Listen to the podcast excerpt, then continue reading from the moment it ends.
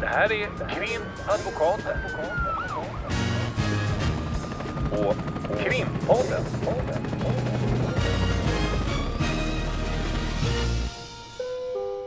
Parter och ombud kallas till sal 32. Hej Ulrika! Hej Lotta! Ja, vi sitter här i vårt kök på kontoret. Det är väl första gången vi sitter här och poddar?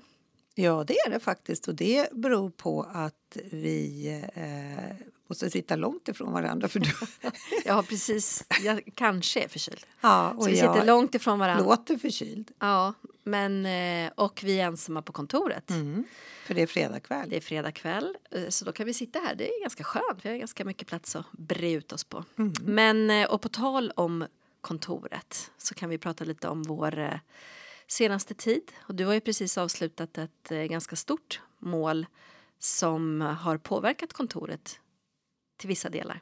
Kan du inte berätta lite? Ja, jag hade slutplädering i ett mål om eh, grov olovlig underrättelseverksamhet heter brottet som min klient är anklagad för.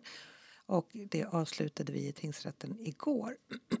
så att det är därför inte jag har så mycket röst kvar här nu för att jag har, har eh, arbetat med det här målet intensivt Oerhört intensivt. hela sommaren. Man kan nästan se det på dig. Du är pigg och fräsch alltid. Men nu är du lite sliten Mm. kan man säga. Men eh, ja, det har påverkat kontoret, tycker du? För du och jag delar ju rum också sedan en tid tillbaka. Eh, vilket är jättepraktiskt eftersom vi ofta sitter inne på vårt rum nu då. Mm. Och poddar och, och diskuterar podden och sådär.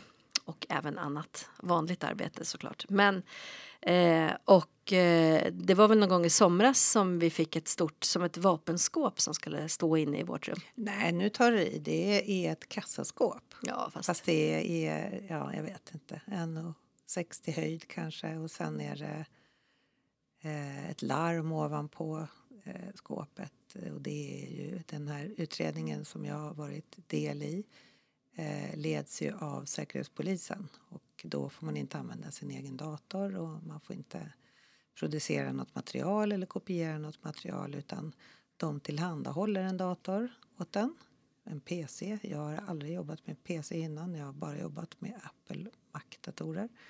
Och eh, då måste man ha den datorn inlåst i det där skåpet när man inte jobbar med den. Så att den här sommaren har ju varit mycket jobb på kontoret om man säger så. mm. Och sen delar vi rum. Då får inte jag ha eh, dig tittandes i den där datorn. Nej. Och inte tittandes överhuvudtaget egentligen. Så att under den här perioden så har ju du fått husera väldigt mycket i det här rummet kan man väl säga. och det är lite roligt för när jag då kommer in eh, och ska hämta någonting ifrån eh, mitt rum. Så eh, har ju du haft också massa post-it-lappar och massa papper uppsatta på väggarna och sådär. Och i och med att det är den här enorma sekretessen så har det varit ganska obegripligt det som har varit på de här lapparna. Som har suttit liksom och ibland har du bara suttit och tittat på de här lapparna och varit helt inne i dina egna tankar. Det är, ett intressant sätt att jobba, lite som på film liksom. Polisen när de håller på att göra sitt, sin kartläggning av någonting och så sitter man och tittar liksom. Ja, och då är det ju så att jag har ju då yppande förbud och det är hemligstämplade uppgifter och, och det, jag har inte heller tillåtits att ha någon biträdande jurist som har jobbat med mig utan jag har fått jobba helt själv. Det är väldigt synd om mig, hörni. Men då är det ju också så att när man gör sån här mindmap på väggen, vi har en stor vit vägg som vi kan använda till det, då är det ju också så att jag får inte skriva saker som är sekretessbelagda. Nej. Så det är ganska komplicerat, komplicerad lagstiftning, det är inte tillämpat tidigare. Eh, och eh, det är väldigt många detaljer, det är många namn, massa saker man måste lära sig rent liksom tekniskt och Mm. sen så, alltså komma ihåg och sen så är det lagstiftningen och, och tolkningen av den som, som man då inte kan skriva upp exakt allt. Lagstiftningen och tolkningen kan man skriva upp på väggen men, men det är ganska mycket man inte heller kan skriva upp. Mm. Så det, det är lite som att eh, vi, vi delar rum förvisso men eh, så fort jag är inne i det där rummet och jobbar så då sitter du i ett annat rum. Typ. Ja, men det kommer ändras under hösten nu. Men det har varit intressant i alla fall för man har ju förstått att det, det eh, har varit en, en eh, intensiv och komplex eh, utredning. Precis, och den har ju också varit på det sättet att eh, eh, man som försvarare i, i den där typen av mål, då är man ju, då är det försvaret och klienten som jobbar ihop och på andra sidan så finns det en åklagare eh, som inte har yppandeförbud och så finns det ett antal eh, anställda på Säpo som inte heller har yppandeförbud för den delen som eh, arbetar i ärendet. Det, det är ganska ojämlikt om man Mm, säger. i- en i obalans. antal, en obalans. Mm, det har ju varit väldigt tydligt. Mm. Och sen det här som du också säger att det är så pass mycket sekretess. Det gör ju också att det blir svårarbetat på flera sätt har jag förstått. Alltså det här som du säger att man inte får ha sin dator med och, och så vidare. Annars har ju vi datorn med, alltså både du och jag har ju oftast vår dator med med, med målen så man kan sitta var än man är i och med att vi oftast flänger ganska mycket så är vi ju flexibla i hur vi arbetar liksom. Ja, så kan man göra sin egen powerpoint som man vill. Man kan presentera material för domstolen som man vill. Eh, man kan arbeta med sin egen dator. Man, eh, här har, har det inte varit tillåtet. Och det eh, är också så att förundersökningen, den får, när vi får en förundersökning får ju vi jobba med den hur vi vill. I det här fallet så har jag ju fått skriva under på varje papper jag tagit emot att jag inte får kopiera eller eh, visa upp och så. Så det, det har ju varit en ganska hög grad av logistikövningar som har tagit väldigt mycket tid i anspråk. Som eh, i mitt perspektiv har varit lite irriterande på det viset att jag har- gnällt lite över att det är mycket logistik och lite juridik. Jag vill ägna mig åt juridiken här. Ja. Men, det har ju varit tydligt. Det har varit mycket logistik. Mm. Men det, det, och, och det då i kombination med att det också har varit mycket juridik och mycket att man ska lära sig materiellt det som ingår i målet så har det varit Ja, jag har jobbat eh, mycket intensivt med det här. Men det är också intressant det här som du säger vad gäller obalansen att du har yppandeförbud men inte åklagaren. Det, det antar jag också kan bli en obalans i hur det presenteras utåt. Ja, precis. Eh, Det, det, så är det ju. Nu, nu har vi i, i just det här specifika målet så upplever jag nog att eh, där har det varit åklagaren har inte varit ute och, och sagt en massa saker och Säpo har inte varit ute och sagt en massa saker i jämförelse med att jag bara får säga att min klient förnekar brott utan det har ändå jag kollar jag med åklagaren vad jag får säga och han säger ju det han säger och så kollar jag om jag kan bemöta det. Så där har det faktiskt varit ganska schysst behandlat får jag lov att säga. Men det är väl det att det, att det blir den här eh, övervägande eh, antal timmar som läggs ner i, i ett ärende när man är ensam försvarare. Då är man glad att dygnet har 24 timmar. De senaste veckorna ska jag nog säga att dygnet har inte riktigt räckt till med 24 timmar. Då, då pratar vi att arbeta varje dag. Eh, ja, så är det varje dag och, och man upplever att 24 timmar inte riktigt räcker. Men i slutet så eh, får man ju eh, möjlighet att sy ihop påsen och det var det jag gjorde igår. Så att jag kan säga så här att eh, den här helgen är den första helgen sen, jag vet inte, sen typ midsommar som jag i alla fall ska vara ledig på lördagen. Sen har jag arbete på söndagen. Det, Imorgon ska jag vara ledig. Jag, ska, jag tror jag ska faktiskt sova hela dagen. Lyxlördag. Ja. Men du, jag, innan vi avslutar den här delen bara. För de som inte vet eh, med yppandeförbud. Vad skulle du säga är den största skillnaden från ett vanligt? För oftast om vi har häktade klienter och så, så är det ju ändå restriktioner och vi täcks ju också av de här. Det har vi varit inne på och pratat tidigare. Eh, tystnadsplikten gentemot klienten och så vidare. Det finns ju flera andra regler som hindrar oss från att prata helt fritt i egna mål. Men vad skulle du säga är den största skillnaden när man har just yppandeförbud? Ja, det, det är nog att man eh, inte heller kan prata med sina kollegor på, på jobbet. Man kan inte bolla grejer och, och, och det har ju vi möjlighet att göra för att vi har ju en sekretess utåt när man har eh, när det är frågan om eh, människor som sitter häktade med restriktioner och så. Men jag har ju eh, rätt, eh, för du har ju samma sekretess som jag. Mm du kan ju bolla saker med mig, jag kan Mm. bolla saker med dig och även med, med våra andra advokatkollegor här på byrån. Mm. Och, och det är ju, är ju ganska tråkigt också att man, man funderar mycket, man vrider och vänder på argument och tankar under många, många månader som det är frågan om i, i det här målet och så kan man liksom inte bolla med någon annan och, än en själv. Mm. Och i många lägen så är det ju så att man, man eh, förvisso eh, försöker att tänka och tänka och tänka men, men det är ju ändå så att det är alltid liksom enklare att ha en kommunikation med en annan advokat. Så Mm, man men- kan, när man bollar så är det ofta så att man försöker att få ihop tankarna och bolla Exakt. dem mot någon annan och där man, när man gör det så, så märker man att det man säger kanske håller eller inte håller.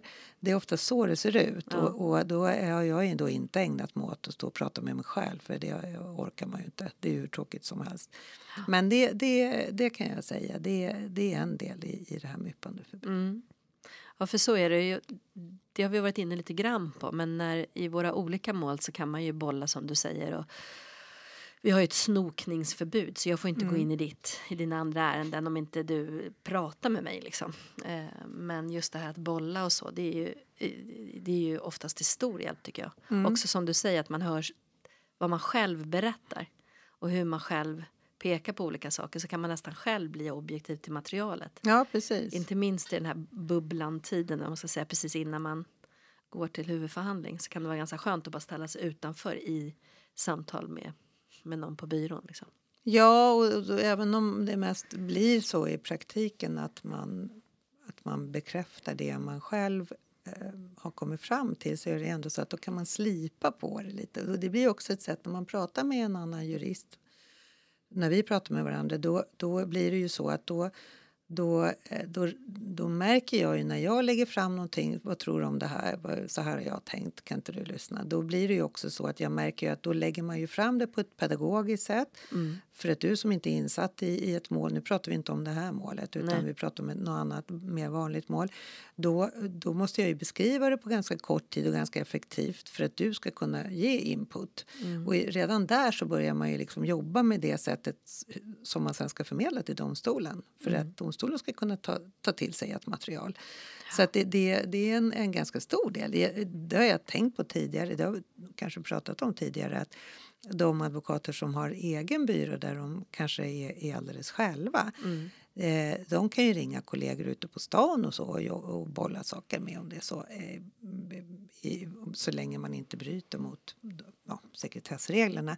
Men, men det är ju lite skillnad när man ses i korridoren eller ses så här på kvällen. Eller, alltså när man stöter upp med varandra. Ja, och när ringa man bara kan kollega. rycka, ta, ringa Ja, varandra det är hela jätte- tiden. Ja, Ja. Det tror jag är ganska svårt också när man tar koll på annans kalender. Vi sitter ju oftast ganska upptagna. Ja. också. Så att visst är det det, det är en oerhörd hjälp. Och framförallt det här att vi samlas på kontoret när det mesta liksom stänger. Mm. Efter förhandlingar och sådär. Men eh, nej, men det kan jag ju säga, det, det har ju varit tydligt. Det har varit väldigt tyst kring det här målet. Mm. Ja, men med det sagt, idag hade vi tänkt att prata om en relativt aktuell eh, historia. Det är jätteintressant att du säger relativt aktuell eh, med tanke på att vi nu sitter och, och, och poddar och det är fredag kväll. Mm. Eh, och, och podden ska då produceras och redigeras och eh, sändas imorgon lördag. Mm. Så är det här en, en oerhört, eh, Oerhört aktuell. oerhört aktuell skulle jag säga eftersom det här handlar om statsministerns tal till nationen. Och när var det då? I onsdags skulle jag säga. Det är möjligt. Kan det stämma? Jag vet faktiskt inte. Också Jag kan säga att i sånt där. onsdag så eh, lyssnar inte jag på något annat än, än min egen plädering. Men mm. Men, Nej, det eh, verkar ja. vara torsdag faktiskt. Står det, här. det står att eh, tal till nationen av statsminister Ulf Kristersson med anledning av det grova våldet. Stockholm torsdag den 28 september 2023. Ja. Så det var faktiskt igår. Men då var det ju, då var det ganska aktuellt Mm, faktiskt. Det var det igår. jag Inte i förrgår utan igår. Ja. Men eh, ja, vi ska prata om Har du det. lyssnat på det på radion? Ja, jag eh, lyssnade på det på, jag såg faktiskt på SVT Play. Ja, okej. Eh, Jag, jag började lyssna, jag vet inte, eh, på Sveriges Radio tror jag, eh, också på någon play. Eh, började lyssna och sen så eh, slutade jag lyssna. Mm. För att jag, eh, blir så trött och besviken på att eh, det här är alldeles utifrån min utgångspunkt. Det här är ju inte ett tal till en nation om att sluta sig samman och verkligen försöka agera mot det här kraftiga våldet som vi ser nu. Utan det här känns ju mera som att det är en partipolitisk tidöavtalsmässig eh, ja, som en del i en valrörelse. Ja, det var nog min uppfattning också. Jag hade nog förväntat mig någonting annat när det, det påannonseras ju alltid att nu ska statsministern hålla tal till nationen och enligt mitt minne, det är väl Estonia det har skett tidigare.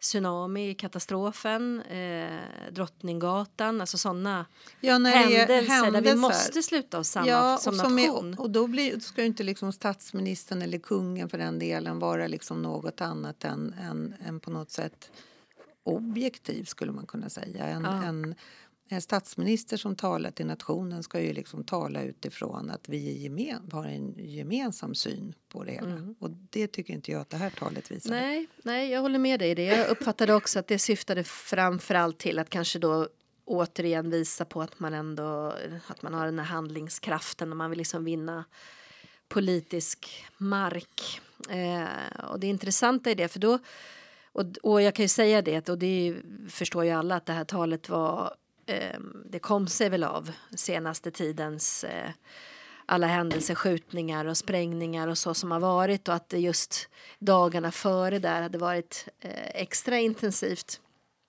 Men eh, då kan jag ju bara det, eh, konstatera att det som jag kanske förväntade mig skulle vara någon sorts blocköverskridande, att man liksom la den politiska striden lite åt sidan. Det var det ju inte alls, utan det avslutades med att då får vi hoppas nu att de andra partierna sluter sig samman med oss i det här. Ja, Det kan jag ju inte tycka är ens, någonting inte som man- ens så, utan jag skulle nog säga kanske, kanske att det var eh, liksom ännu mer eh, fokuserat kring eh, att, att vad det skulle vara, vad han säger är att, att han hoppas att alla partier i Sveriges riksdag nu kan samlas kring de kraftfulla och mönsterbrytande åtgärder som behövs, det vill Mm. säga det han själv berör i sitt tal. Exakt, Nämligen en stor del av det som är i. Tidöavtalet. Och det kan ju vara svårt då att tänka, misstänker jag då, för, för eh, samtliga partier att samlas kring det här. För det här är ju inte någon utsträckt hand om att man ska hitta en gemensam lösning. Nej, Och det är väl kanske det som behövs nu, för den senaste tiden är ju, eh, det är ju allvarligt. det är allvarligt. Så är det och det tror jag vi ser i, jag menar vi ser ju det på nära håll. Att det är såklart att vi inte på något sätt förringar att ehm, den senaste tiden och, och en, en längre tid tillbaka måste man ju ändå säga att det har eskalerat. Det här våldet och skjutningarna och, och eh, sprängningar. Och, det är såklart att det är en väldigt allvarlig situation och, ehm, och det är väl det vi också menar. Att det är därför man hoppas att det hade varit ehm, ett annat kanske typ av tal. Eh, men i det här då, om vi ska gå in på det. Ehm, det sägs ju en del. Eh, men det som vi väl tänker lyfta i det här det är utifrån vårt perspektiv igen. Som advokater och som eh, som, som eh, goda tjänare till rättsstaten. Exakt. Ehm, och där kan man konstatera då att han går in eh, och säger att eh, svensk lagstiftning i sin utformning nu är inte utformad för gängkrig och barnsoldater. Och det ska man då ändra på. Och sen direkt efter det så går man in på migrationspolitiken och säger, lite svepande måste man säga, så får man ju gå tillbaka då till Tidöavtalet och se vad man egentligen menar. Men att eh, regeringen ska lägga om migrationspolitiken och det är tuffa och svåra beslut och vi helt nödvändigt och att vi redan ser resultat i det och att det ska minska. Ehm, och senast idag kan man ju konstatera att eh, ordföranden i justitieutskottet Jomshoff eh, gick ut och sa att man också måste då eh, förstärka återvandringen och det är man ju också inne på i, i Tidöavtalet.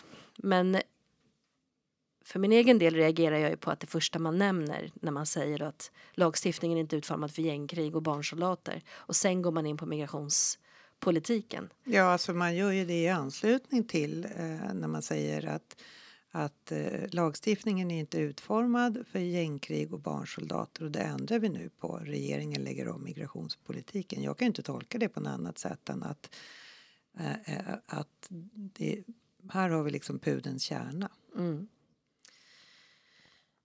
Eh, och då kan man ju också tänka att när man, inte vet jag, kollar på tv, lyssnar på radio läser tidningar på nätet och läser papperstidningar hur man än tar till sig eh, nyheter att, det, att det är då i de här eh, utanförskapsområdena där det då givetvis finns många människor som inte kommer ifrån Sverige och att det är eh, i, i den här typen av brott, vi pratar om skjutningar och sprängningar och mm. allt det här, så florerar det många unga killar som är de allra flesta födda i Sverige mm. men har eh, utländska föräldrar som har flyttat till Sverige. Mm. Det... Exakt, så det blir ju... Eh, jag, jag, kan uppleva att det, det, är lite märkligt att börja i migrationspolitiken mm. med tanke på att, att utifrån vårt perspektiv eh, och vi är ju ändå ganska nära den här typen av ehm, eh, våld och den typen av eh, gärningar om man säger. Så Eh, precis som du säger, att det, det är ju svenska medborgare i, i väldigt, väldigt många fall. Sen ja, att man har utländska föräldrar, ja. det är också etniska och jag kan svenskar inte riktigt se hur, så. Nej men precis, det, det är svårt att tänka så här, okej okay, då lägger man om migrationspolitiken då. Eh, hur ska det liksom hindra? Hur ska det lösa de problem vi har nu? Ja, jag fattar inte det. det, det ja. Och, ehm. och, vi som alltid pratar om förebyggande åtgärder, det är inte bara vi som pratar om det. Det, det, det pratar ju forskarna om och, och, och som det ser ut just nu så pratar ju inte politikerna om det utan det kommer som en bisats på slutet och, och när politiker blir intervjuade då, Tidöpartiernas politiker blir intervjuade så kanske kommer en fråga från en journalist. Hur har ni tänkt när det gäller förebyggande åtgärder? Ja, det är jätteviktigt. Mm. Eh, och sen så har det inte kommit några förslag på det. Det, det blir svårt att tro på det. Ja. Inga konkreta förslag utan det de, det de lägger upp och det har vi pratat om förut. Det är anonyma vittnen, visitationszoner, skärpta straff. Eh, det är inte jättemycket av... preventivt jobb. Liksom. Nej, utan det är ju eh, det här med utökning av eh, hemliga tvångsmedel, avlyssning eh, kommer väl nu här i dagarna bara att man ska kunna avlyssna utan att man eh, egentligen har begått brott för att komma åt gängkriminella som man säger. Um, och det de säger här, eller de och de, det, och det är ju de även om det är en person som säger det, eh, nämligen statsministern, det är att vi skärper det brottsförebyggande arbetet och vad man räknar upp då, eller han räknar upp, mm. det är ju att att vad man ska göra är att bryta sekretess mellan skola, socialtjänst och, och polis. Mm. Och, och, det här har ju varit på förslag ganska länge. Mm. Och, och eh, jag kan egentligen inte riktigt se problemet med det. Eh, det är väl ganska konstigt att inte skolan när de anmäler till socialtjänsten inte får veta mer än att de har anmält och när socialtjänsten börjar utreda då är det sekretess från socialtjänsten gentemot skolan. Ja, det torde ju ligga inom det brottsförebyggande att alla instanser som konfronterar ungdomarna mm. att man kan samarbeta. Och det är ju helt okej. Okay. Ja, visst. Men, Men, problemet är väl att, att eh, det, det, är ju det, det är ju inget brottsförebyggande i det. Kan det kan ju vara, men jag, det kan jag tycka om det fungerar på rätt sätt. Eh, så som sagt så kan ju det vara bra att socialtjänsten har kontakt med skolan att man vet vad som händer och om det är en familj som är aktuell för insatser och så vidare. Eh, att man utökar det på något sätt så att man kan hjälpas åt. Det är, ett, det är som ett gott Ja, syfte det är jättebra om det vore så att, att eh, vi, vi får ju rapporter dagligdags ifrån socialtjänst eh, mm. eh, bland annat. Mm. Det, det behöver man ju inte vara blind och döv för att notera att de, eh, inte, de har så många orosanmälningar så att de mm. inte kan utreda dem. Det finns helt enkelt inte tillräckligt med personal som kan utreda orosanmälningar. Och det är ju det man ska göra om man släpper den här sekretessen och det kommer in orosanmälningar. Mm. Då socialtjänsten får in det här och inte kan göra någonting åt det, det vill säga vi måste lägga den åt sidan, vi har inte möjlighet, vi har inte resurser för det, vi har inte några personal som kan sköta det. Då kan ju de meddela det då till skolan och säga nu får ni ta hand om det här. Ja. Och då hör vi också utan att vara blinda och döva kan vi uppfatta att skolan säger att vi har inte tillräckligt med personal. Nej. Vi har inte tillräckligt med resurser. Vi, vi, vi klarar inte det här. Jag, jag kan inte riktigt se eh, om det här nu med att ta bort sekretessen skulle fungera då måste ju det också betyda att man kan gemensamt faktiskt jobba med de här förebry, eh, förebyggande, förebyggande på, där, där de som är på plats. Så jag kan tänka mig det här att om, om man skulle ha de här öppna spjälen emellan också med polisen så skulle man kunna sätta in extra resurser i skolan till exempel. Men eh, precis som du säger, det, det, det finns ju inte resurser till, till ehm, ehm, något av det här. Nu var det din väckarklocka igen. Ja, den säger Som att jag ska talar om. göra någonting här säkert. Men, eh, men det kan ju för sig, det är väl ett steg på vägen som man kan ändå Ja, tolka ja, som brottsförebyggande. Men det man kan konstatera i det här talet det är att när, precis som du säger, han går in på och det krävs brottsförebyggande åtgärder, då nämner han det, bryta sekretessen. Sen går man in på ungdomsfängelse ska inrättas för att de ungdomar som döms för brott ska separeras från vuxna kriminella. Det är ju inte så där jättebrottsförebyggande.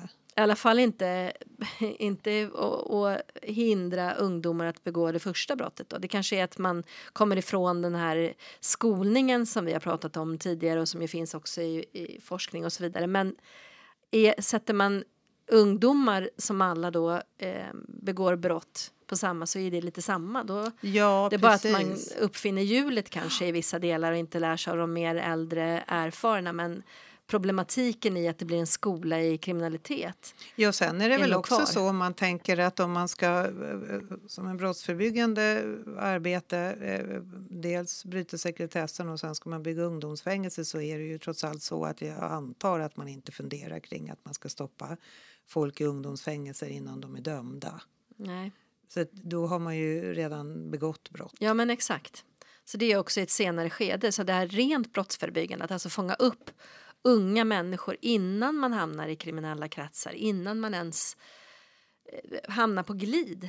Mm. Eh, där tror ju vi att man måste göra kanske andra insatser. Men vi kan ju gå vidare i vad han föreslår här då. Utöver bryta sekretessen, ungdomsfängelse, språkscreening, Mm. Språkscreening och lovskola. lovskola i utsatta områden. Det kan ju också vara någonting. Lovskola i utsatta områden, lovskola överhuvudtaget ehm, i, i alla områden där det behövs är väl bra. Och det är ju, handlar ju om att öka resurserna till, till skolan, den kommunala Jag skolan. tänker på det med, jag undrar vad de menar med språkscreening. För det står att ska se till, vi, vi ska se till att alla barn lär sig svenska med språkscreening och lovskola. Alltså jag måste nog säga med den erfarenheten som både du och jag har i, som försvarare i, i den här typen av mål. Mm. Det är ju inte så att våra klienter inte pratar svenska. Nej, De jag pratar med en förstå. dialekt kanske. ja. det eller en brytning. Liksom, där De man, snackar Rinkeby-svenska, eh, men många av, om vi nu pratar om det, i de här utsatta områdena som han är inne på här. Men det är ju inte så att någon inte kan svenska. nej.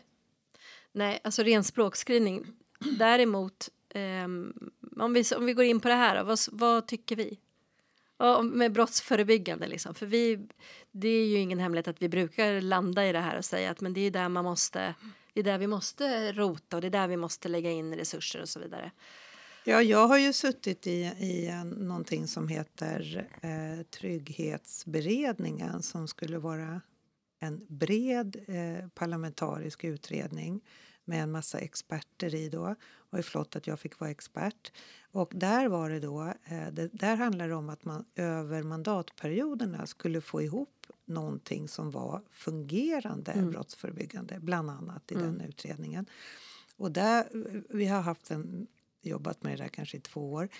Jag kan inte säga exakt, men eh, där har det varit fantastiskt för mig att få träffa människor som är... Det är allt ifrån kriminalvården, polisen, Säpo, tullen, skolan, barnomsorgen, BVC. Alltså det var jättemånga kompetenta människor där som, och, och jobb, som jobbar med familjer i utsatta områden. Som jobbar, de har många projekt söderut i Sverige som har varit framgångsrika. Och där var det ju bland annat flera, det var kom ju föreläsare också och då, då, som pratade om att man måste sätta in eh, förebyggande åtgärder redan på BVC-nivå.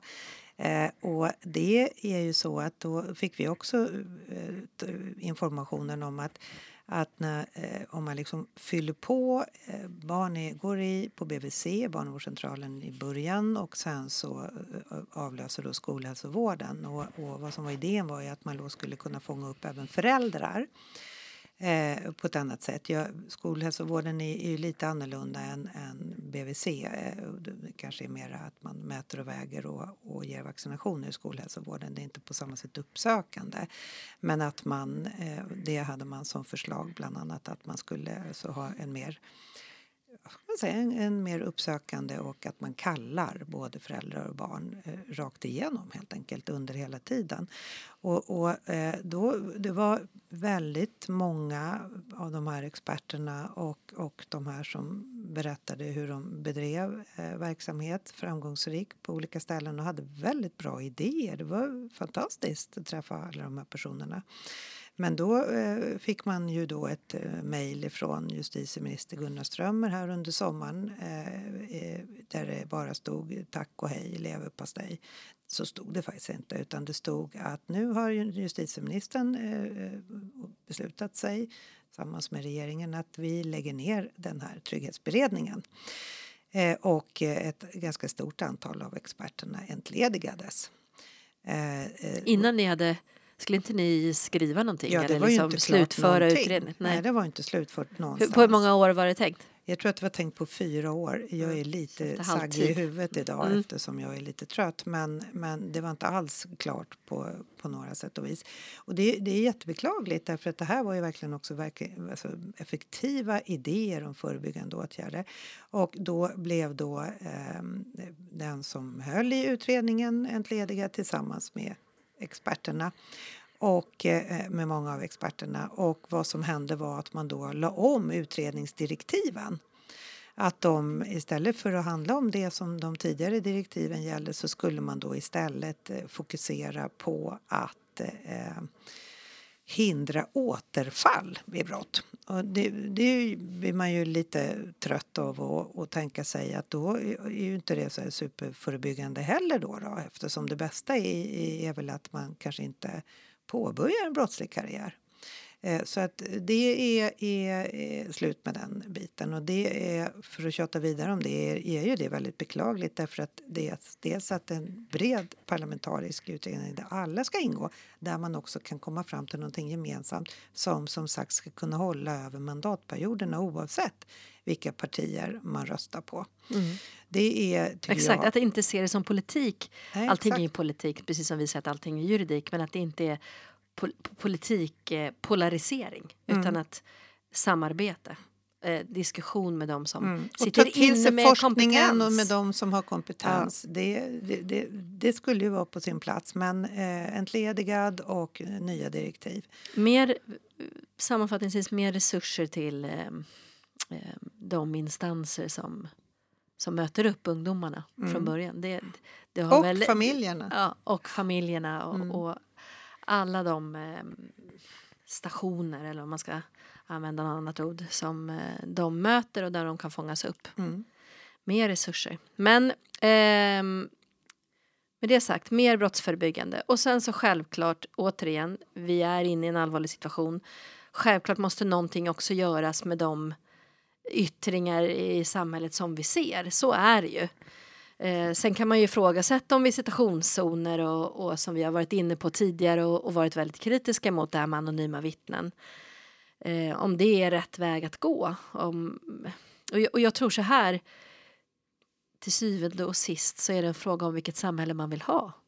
Och som vi också brukar säga att de steg man tar är svårt att backa på. Mm. Så, så, är det. Det är väldigt mycket som händer i, inom lagstiftningen, inom rättsväsendet. Och, och, vissa åtgärder kanske är så att det kommer få en effekt. Det får vi ju se om, om ett par eller några år helt enkelt. Men, eh, men andra steg utifrån vårt perspektiv är ju bekymmersamma. Mm.